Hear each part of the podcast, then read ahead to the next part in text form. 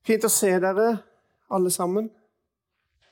Det er alltid spennende å se om noen kommer, og se hvem som kommer. Og eh, det var jo en fin forsamling, dette her. Ehm, jeg har gleda meg til å være med igjen. Og selv om dette her temaet i dag som er satt opp, eh, bør være gammelt og kjent for uh, iallfall de aller fleste i denne forsamlingen, uh, så tror jeg at uh, det er et tema som er viktig å, å holde varmt. Jeg kjenner det for min egen del. At uh, det er viktig for meg å holde det varmt i mitt eget hjerte. Fordi at det er så mange andre ting som egentlig trykker på og fanger vår oppmerksomhet. og Derfor så, så syns jeg for min egen del at det er viktig eh, å, å, holde det varmt, dette her. Hvem er jeg i Kristus? Det er et stort tema. Det står masse om det. Eh, jeg kunne holdt på mye mer enn to timer. Eh, men skal prøve å få med noen viktige ting. Men kanskje det blir litt sånn basic ting i løpet av eh, disse to timene. Har du prøvd noen gang å ta ei tom flaske uten kork og putte ned i et kar med vann? Hva skjer hvis du tar ei tom flaske og putter ned i et kar med vann? Jo, det bobler litt. Altså flaska var ikke tom, selv om den så sånn ut. For det var noe i den. Det var luft. Det var noe som må ut for at det skal fylles. Ikke sant? Det bobler. Det bobler helt til flaska er fylt med vann. Åssen er det da når flaska er fylt med vann og ligger i et kar med vann? Jo, da er det vann i flaska og flaske i vannet. Kristus i oss vi i Kristus. Et banalt bilde, kanskje, men dog allikevel en illustrasjon som jeg tror vi kanskje kan forstå, fordi at Bibelen snakker mye om Kristus i oss. Og så snakker den veldig mye om at vi er i Kristus. Og så har vi altså opplevd som tomme flasker og så var de kanskje ikke helt tomme likevel. At vi har blitt senka ned i Kristus. Og når vi blir senka ned i Kristus, så må det som var i flaska fra før, det må ut. Og så blir vi fylt av Han. Og så er Han i oss, og så er vi i Han. Og så er det litt vanskelig Eh, å holde de to tinga sånn helt fra hverandre hele tida. Men temaet i dag handler altså om hvem er jeg i Kristus? Og så spør jeg hvorfor er det viktig for oss å vite hvem vi er i Kristus? Hvorfor er det viktig for oss? Nå skal jeg foregripe litt egentlig den siste kvelden, men jeg syns det er en fin beskrivelse, sånn som Paulus gir når han skriver til Filemon. Da sier han det sånn, og nå, nå, nå blir det nå blir det en god del bibelsitater i kveld, og det kan hende at jeg må lese de sjøl, for det tas visst opp, dette her. Eh, så da kan det hende at det er greiest at jeg leser bibeltekstene sjøl. Er det ikke det? Jo. Eh, så, så, det blir en del bibeltekster. Og så er det klart at hver enkelt av disse tekstene kunne det vært sagt mye om. Men jeg kan jo ikke da se så veldig mye om alle tekstene. Men bruke det som en bakgrunn. Paulus skriver til Filemon, og så ser han ifra vers 6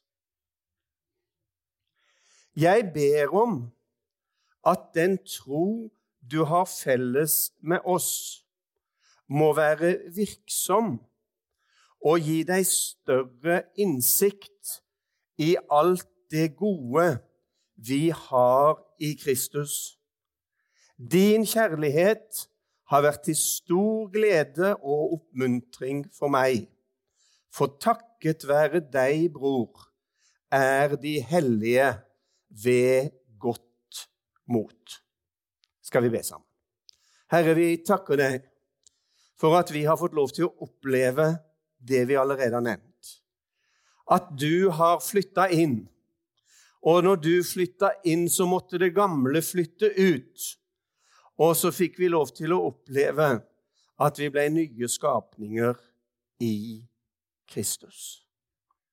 Så ber vi, Herre, for denne kvelden at du skal la oss få lov til å oppleve at vi får om dette er gammelt og kjent, at vi får enda større innsikt. Fordi du er mye større enn noen av oss som vi har sett, om vi har lest, om vi har opplevd i tiår på tiår, så er du enda mye større. Derfor ber vi, Herre, om din ånds åpenbaring over ditt eget ord i kveld, så vi kan få lov til å gå herifra med enda litt større innsikt. Vi ber om det i Jesu navn.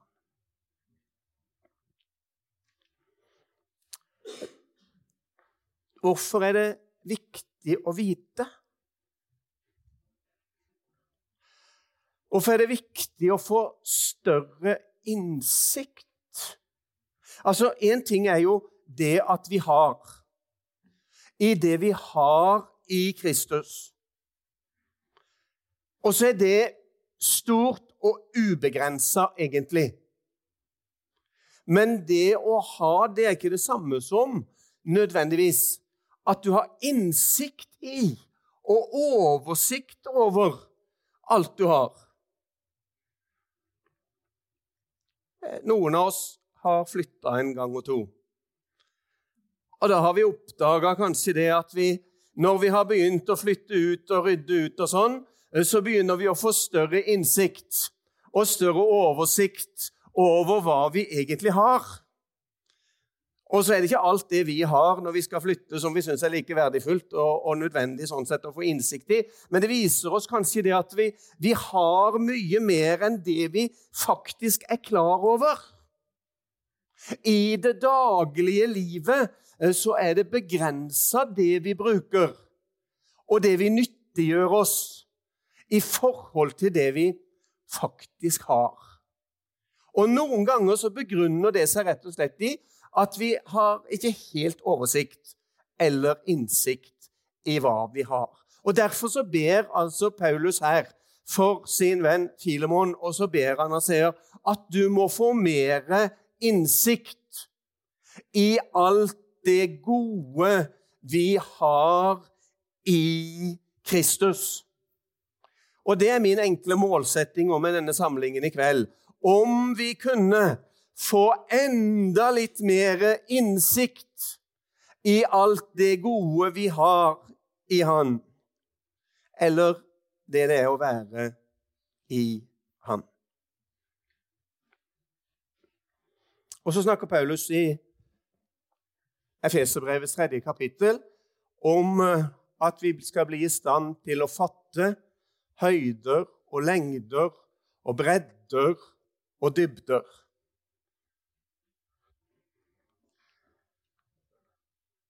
Det er Guds vilje. At vi skal få lov til å oppleve visdom og åpenbaringsånd, sånn at vi kan forstå høyder og lengder og bredder og dybde. Og så har jeg sagt at Jeg må vite hvem jeg er, for å kunne vite hvem jeg ikke er.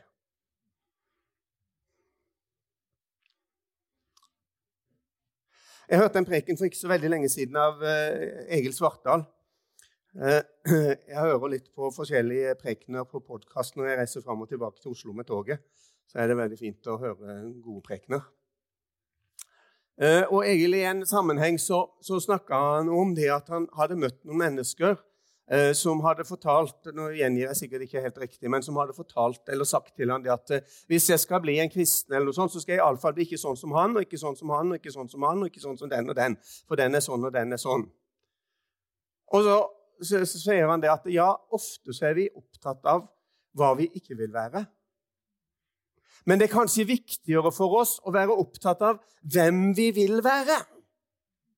Og hvis vi skal være opptatt av hvem vi vil være, så må vi vite hvem vi er. Og vite noe om hva vi har.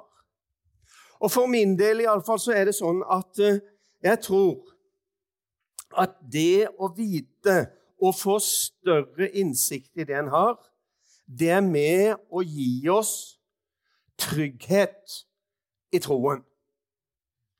Stabilitet og trygghet i troen. Jeg vet hvem jeg er. Jeg vet hvor jeg er plassert. Jeg vet hva som er gitt meg. Jeg vet hva som fyller meg.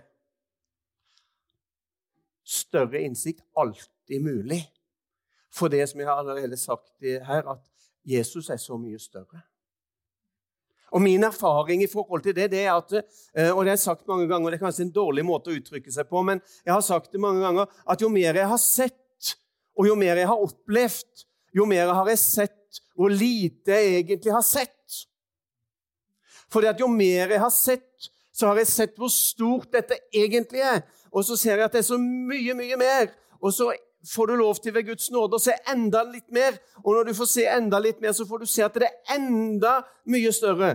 Derfor så, derfor så er det en bønn som ligger i mitt hjerte. Herre, gi oss større innsikt. For tryggheten, for gleden, for begeistringen i troen. Jeg er overbevist om at er det noe som kan skape begeistring, jeg gleder meg veldig til at det begynner å skape begeistring.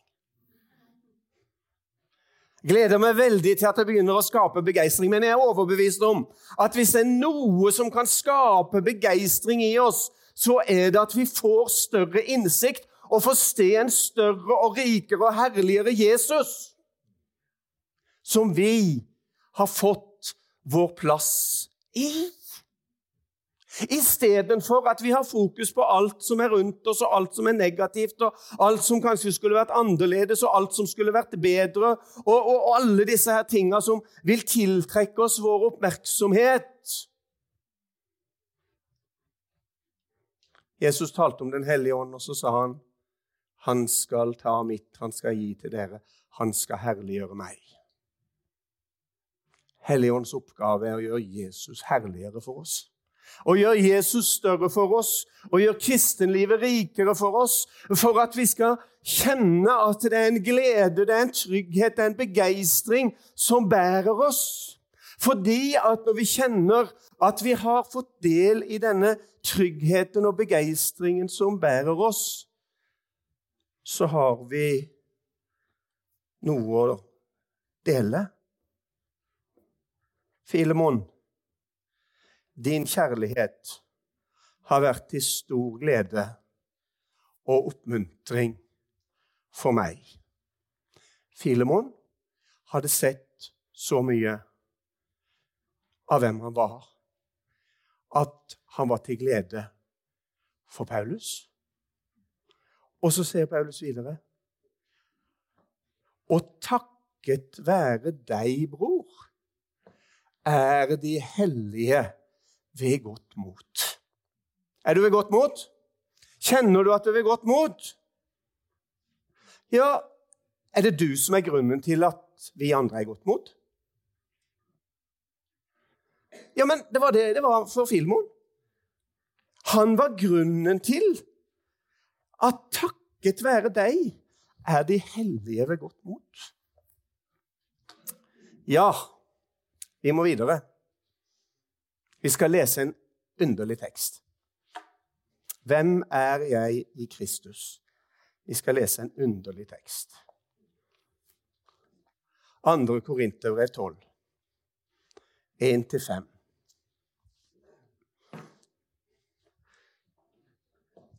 Og nå tenker du at nå tar han helt av.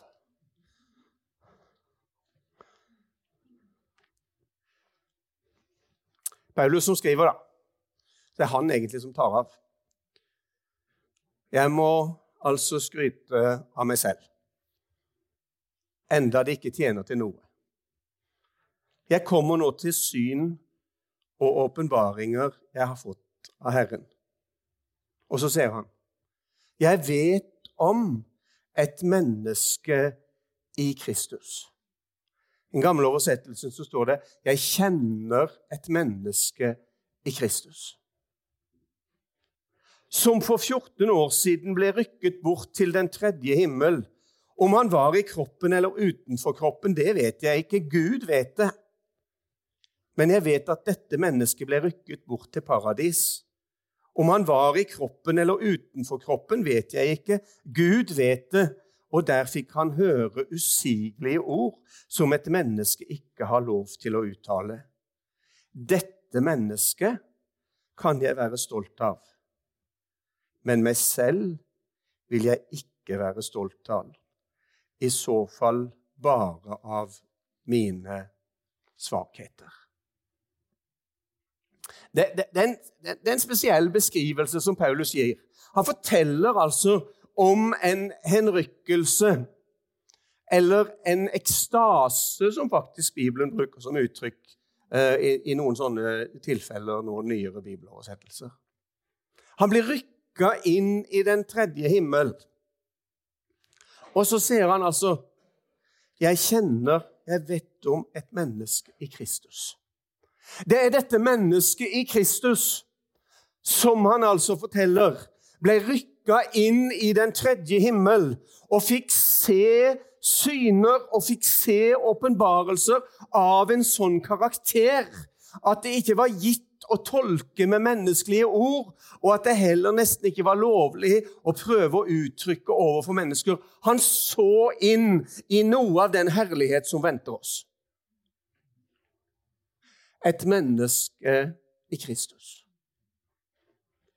Om jeg var i legeme eller utenfor legeme, det har ingen anelse om. Men det jeg så, det var virkelig for mitt indre øye. Det er det han egentlig sier. Og så beskriver han egentlig at det finnes en åndelig virkelighet. Som jeg har sagt mange ganger, en åndelig virkelighet som for meg er den virkelige virkelighet. Og den virkelige virkelighet, den er usynlig for det naturlige øyet. Nå blir du veldig åndelig, veldig svevende, sier du. Ja, gjør kanskje det.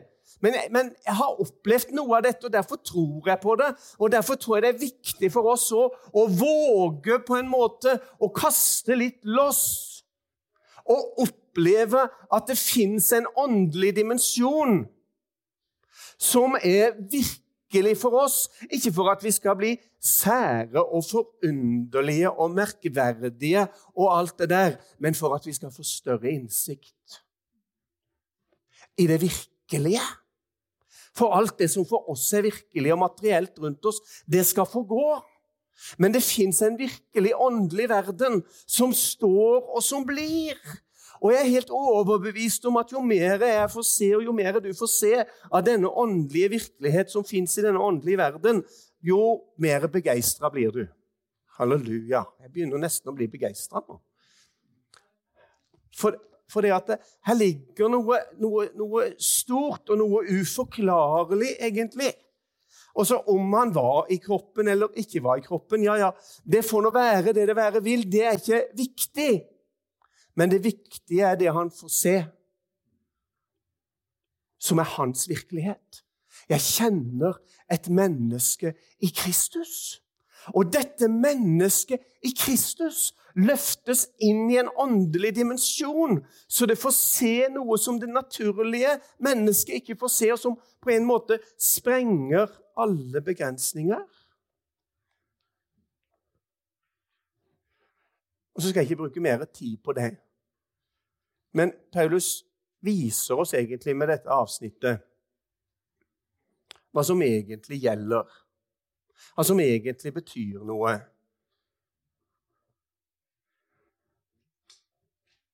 Dette mennesket kan jeg være stolt av.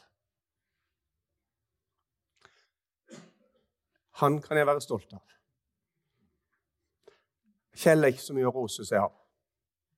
Paulus var ikke så mye å rose seg av. Kanskje du vil stille deg ved siden av oss og se.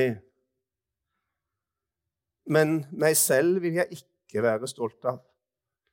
Om jeg skal være stolt av noe i meg sjøl, så må det i tilfelle bare bli min egen svakhet. Men jeg kjenner et menneske i Kristus. Og det mennesket Kristus, det kan jeg være stolt av. For det er fullkomment. I kraft av det verk som han har gjort. Og bakgrunnen for at vi kan kjenne og vite og være et menneske i Kristus, det er jo at vi er nye skapninger. Efeserbrevets første kapittel. Det blir en del Efeserbrev utover.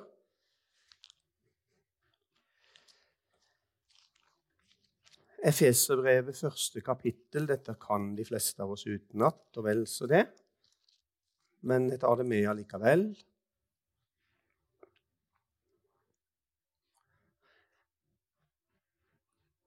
Vers 4. I Kristus. Hvem er jeg i Kristus? I Kristus utvalgte han oss før verdens grunnvoll ble lagt, til å stå for hans ansikt, hellig og uten feil. Fikk du med deg det? I Kristus utvalgte han oss før verdens grunnvoll ble lagt. Det, det, altså, det spenner noen veldige perspektiver, dette her. Og det går over min forstand, og jeg, tror det går over din forstand nå, om du er aldri så klok. Eh, så, så, spenner dette noen veldige perspektiver men det er en åndelig virkelighet som er vår virkelighet, og som jeg tenker at Å, om vi kunne få se enda litt mer av det, så ville det løfte oss på et helt annet plan. Så ville det skape en helt annen begeistring, så ville det skape en helt annen entusiasme i oss. Utvalgte oss i Han før verdens grunnvoll ble lagt, for å stå for Hans ansikt, hellige og uten feil.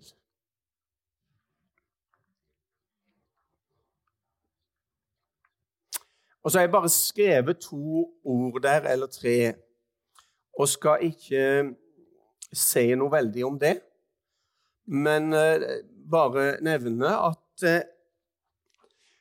der, der, går noen åndelige trender, om en skal kalle det det, som begrunnes litt inn i dette verset i forhold til dette med nykalvinisme og predestinasjon. Og, og hva handler det om? Jo, det handler om forutbestemmelse. Altså at Gud har forutbestemt noen til frelse og noen til fortapelse. Og det, det, det, er ganske store, tunge teologiske retninger som står for et sånt syn. Og så skal ikke jeg argumentere veldig verken for eller mot verken det ene eller det andre. Jeg skal bare nevne det, og så skal jeg se det sånn at i min forståelse så handler dette verset om at Gud har valgt én.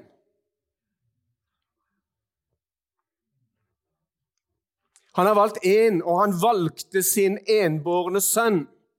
Fra evighetens morgen av så var han den utvalgte, for at i han skulle du og jeg, og hver den som vil, kan komme og få lov til å få del i denne utvelgelsen og evangeliets budskap, og kan få lov til å tro at før verdens grunnvoll ble lagt, så var jeg utvalgt i Han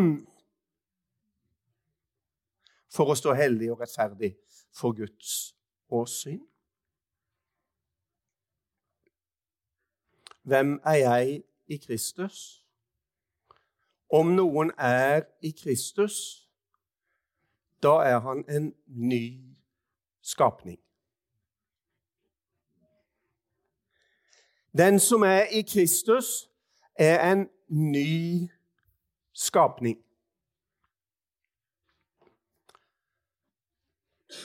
Det gamle er forganget. Se, alt er blitt nytt er setningen som ligger øverst for oss som har lest Bibelen i mange år. Ikke sant? Han er en ny skapning. Det gamle er forganget. Det gamle er borte. Alt er blitt nytt. Og så er det noen bibeloversettelser nå som sier 'se det nye'. Og så tenker jeg at det, det er ikke noen motsetning imot det imellom disse tinga. Alt er blitt nytt. Men tilbake til det samme som jeg sa i stad. Det handler om å se det. Det handler om å få se det. Troens ord, Gudsordet, forteller oss at sånn er det. Om vi er i Kristus, så er det gamle avslutta. Om vi er i Kristus, så er det gamle slutt, og så er det nytt. Alt er nytt i Kristus. Men se det nye. Og så er det dette grunnleggende som vi på en måte er nødt til å ta med oss enda en gang for å, å, å kjenne at det frigjør oss ifra alt som vil tynge oss.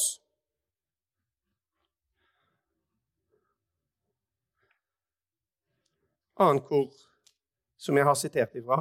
2. Korinterbrev 5,17 har jeg sitert ifra. Vers 14 så står det For Kristi kjærlighet tvinger oss. Vi vet at én er død for alle. Derfor er de alle døde. Og han døde for alle, for at de som lever, ikke lenger skal leve for seg selv, men for Han som døde og sto opp for dem.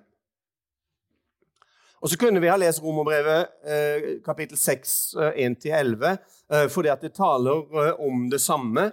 Eh, men, eh, men, bare ganske sånn kort ta det enda en gang, selv om dette her er barnelærdom, egentlig. Én er død for alle.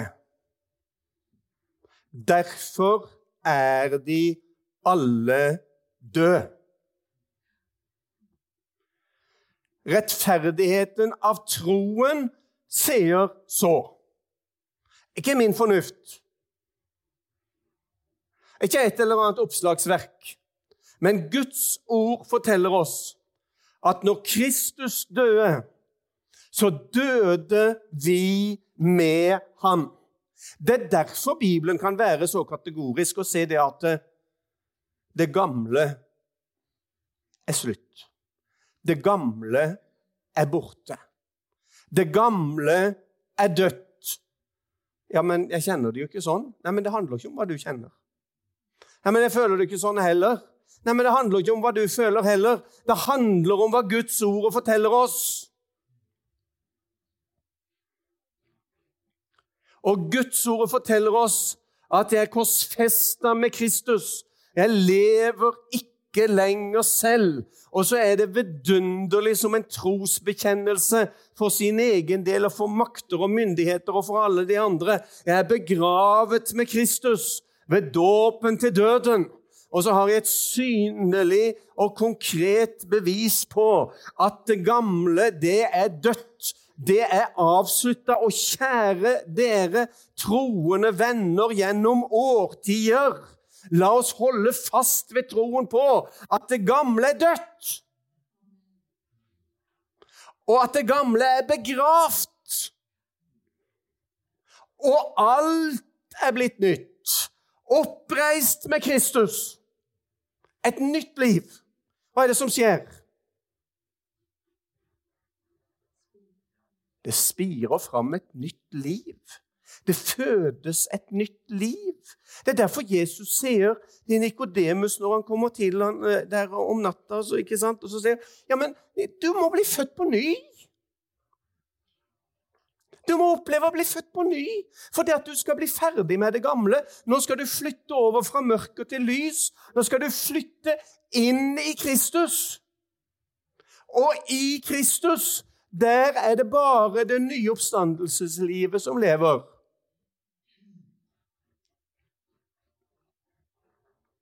Derfor så er vi nye skapninger, oppreist til et nytt liv i Kristus. For å ta litt fra Romerne 6. For den som er død, er befridd fra synden. Og er vi døde med Kristus, tror vi at vi også skal leve med Han.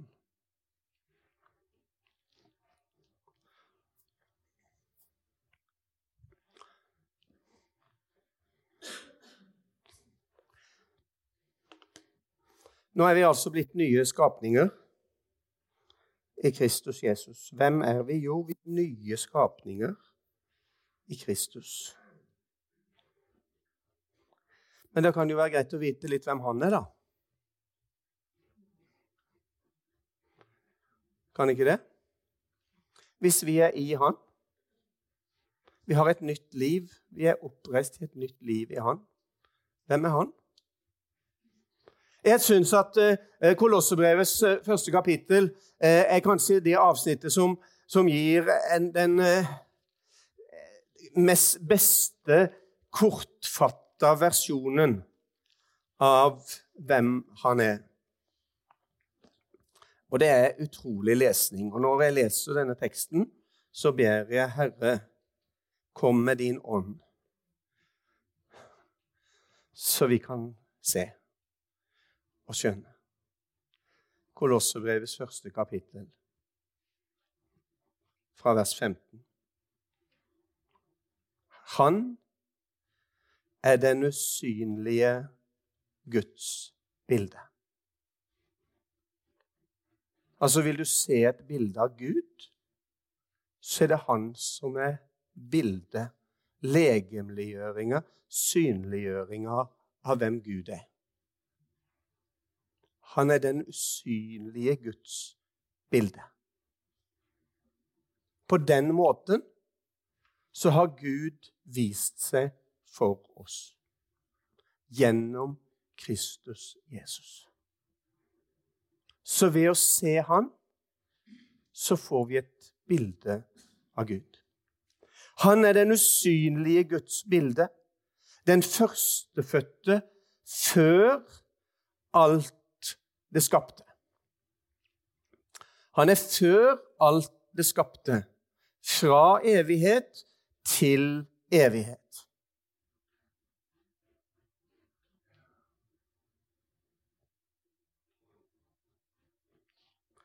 Universet stort. Asbjørn, du leser illustrert vitenskap og sånne greier. Er universet stort? Det er ingen av oss her som har noen mulighet til å fatte hvor stort universet er. Men hva sier Guds ord? For i ham er alt blitt skapt.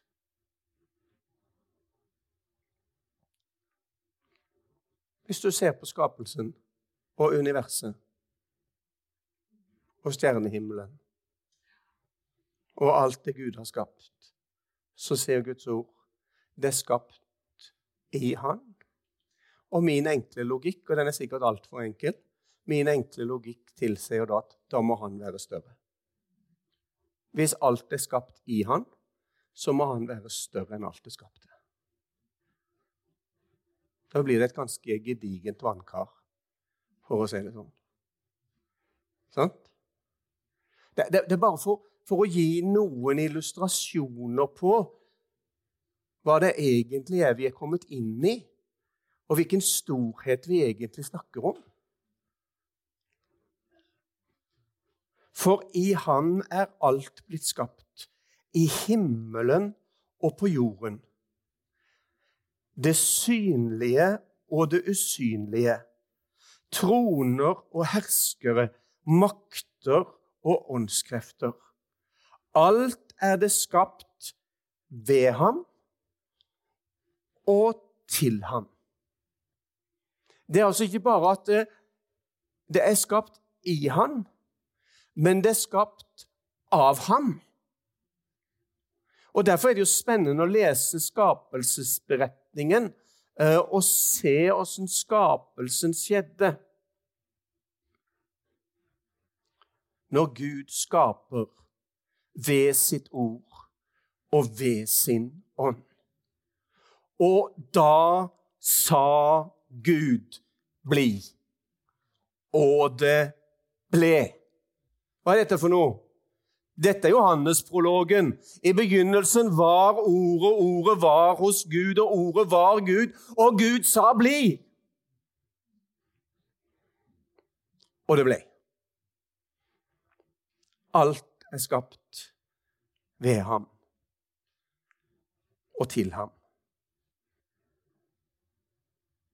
Han er før alt, og i ham Nå snakker vi om i han, ikke sant? Og i han blir alt holdt sammen. Han er hodet for kroppen, som er kirken eller menigheten. Han er opphavet, den førstefødte fra de døde. Så her er, her er masse sprengkraft i dette her. For her er oppstandelse ifra de døde òg. Altså dødens makt er brutt. ikke sant? Det handler om den seier som han vant på Golgata, og som er blitt grunnlaget for vår tro og grunnlaget for hva vi er. Ikke sant? Han er opphavet. Han er hodet for menigheten. Han er den førstefødte for at han i ett og alt skal være Jeg syns det er et fantastisk ord som den gamle bibeloversettelsen brukte. Et ord som vi aldri bruker i noen annen sammenheng. For at han i alle deler skal være den ypperste. Vi som er, har levd noen år, vi kan smake litt på den den ypperste. Det, for meg så, så, klinger det liksom litt sånn Det er sikkert fordi jeg begynner å bli gammel. Men, men for meg så, så, klinger det litt sånn, litt sånn større og annerledes enn det at han er den fremste, eller det at han er den største, men det at han i alle deler skal være den ypperste. For i ham ville Gud la hele sin fylde ta bolig. Og ved han ville Gud forsone alt med seg, det som er på jorden, det som er i himmelen, da han skapte fred ved hans blod på korset. Vers 19. For i ham Nå skal vi ta den til slutt. For i Han ville Gud la hele sin fylde ta bolig. Kan du forestille deg Du får be om litt øyensalve på det åndelige øyet, du òg. Kan du forestille deg hele Guds fylde?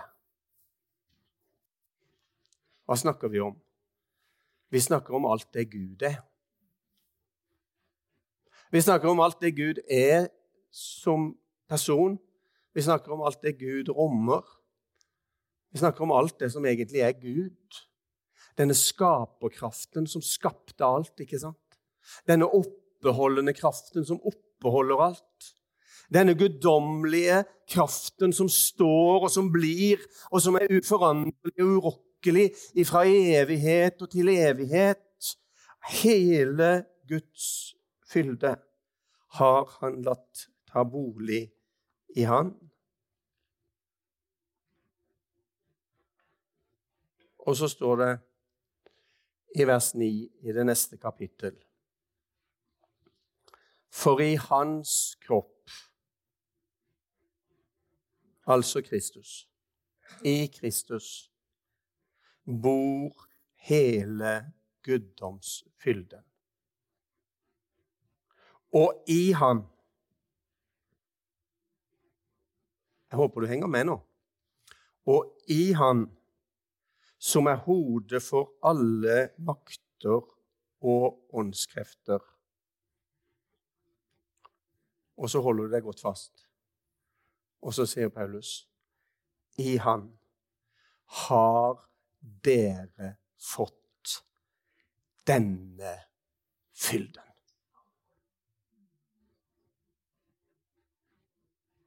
Nå er vi inne på et område som sprenger noen grenser. Vi som syns det er så smått med oss, syns vi kan så lite og får til så lite og er så lite og så udugelig og alt det der. Ikke sant? Det er ikke det det handler om akkurat nå. Nå handler det om hvem vi er i Kristus. Og hvem er vi i Kristus? Jo, i Kristus så er vi utvalgt fra verdens grunnvoll ble lagt. Før verdens grunnvoll ble lagt. I Kristus så er vi nye skapninger. Det gamle er borte. Alt er blitt nytt. Vi er døde, vi er begravd, vi er oppreist med Kristus. Vi er nye skapninger. Vi lever et nytt liv i Han. Og så lever vi et liv i kroppen. Sannelig gjør vi det. Vi kjenner det, Elisabeth.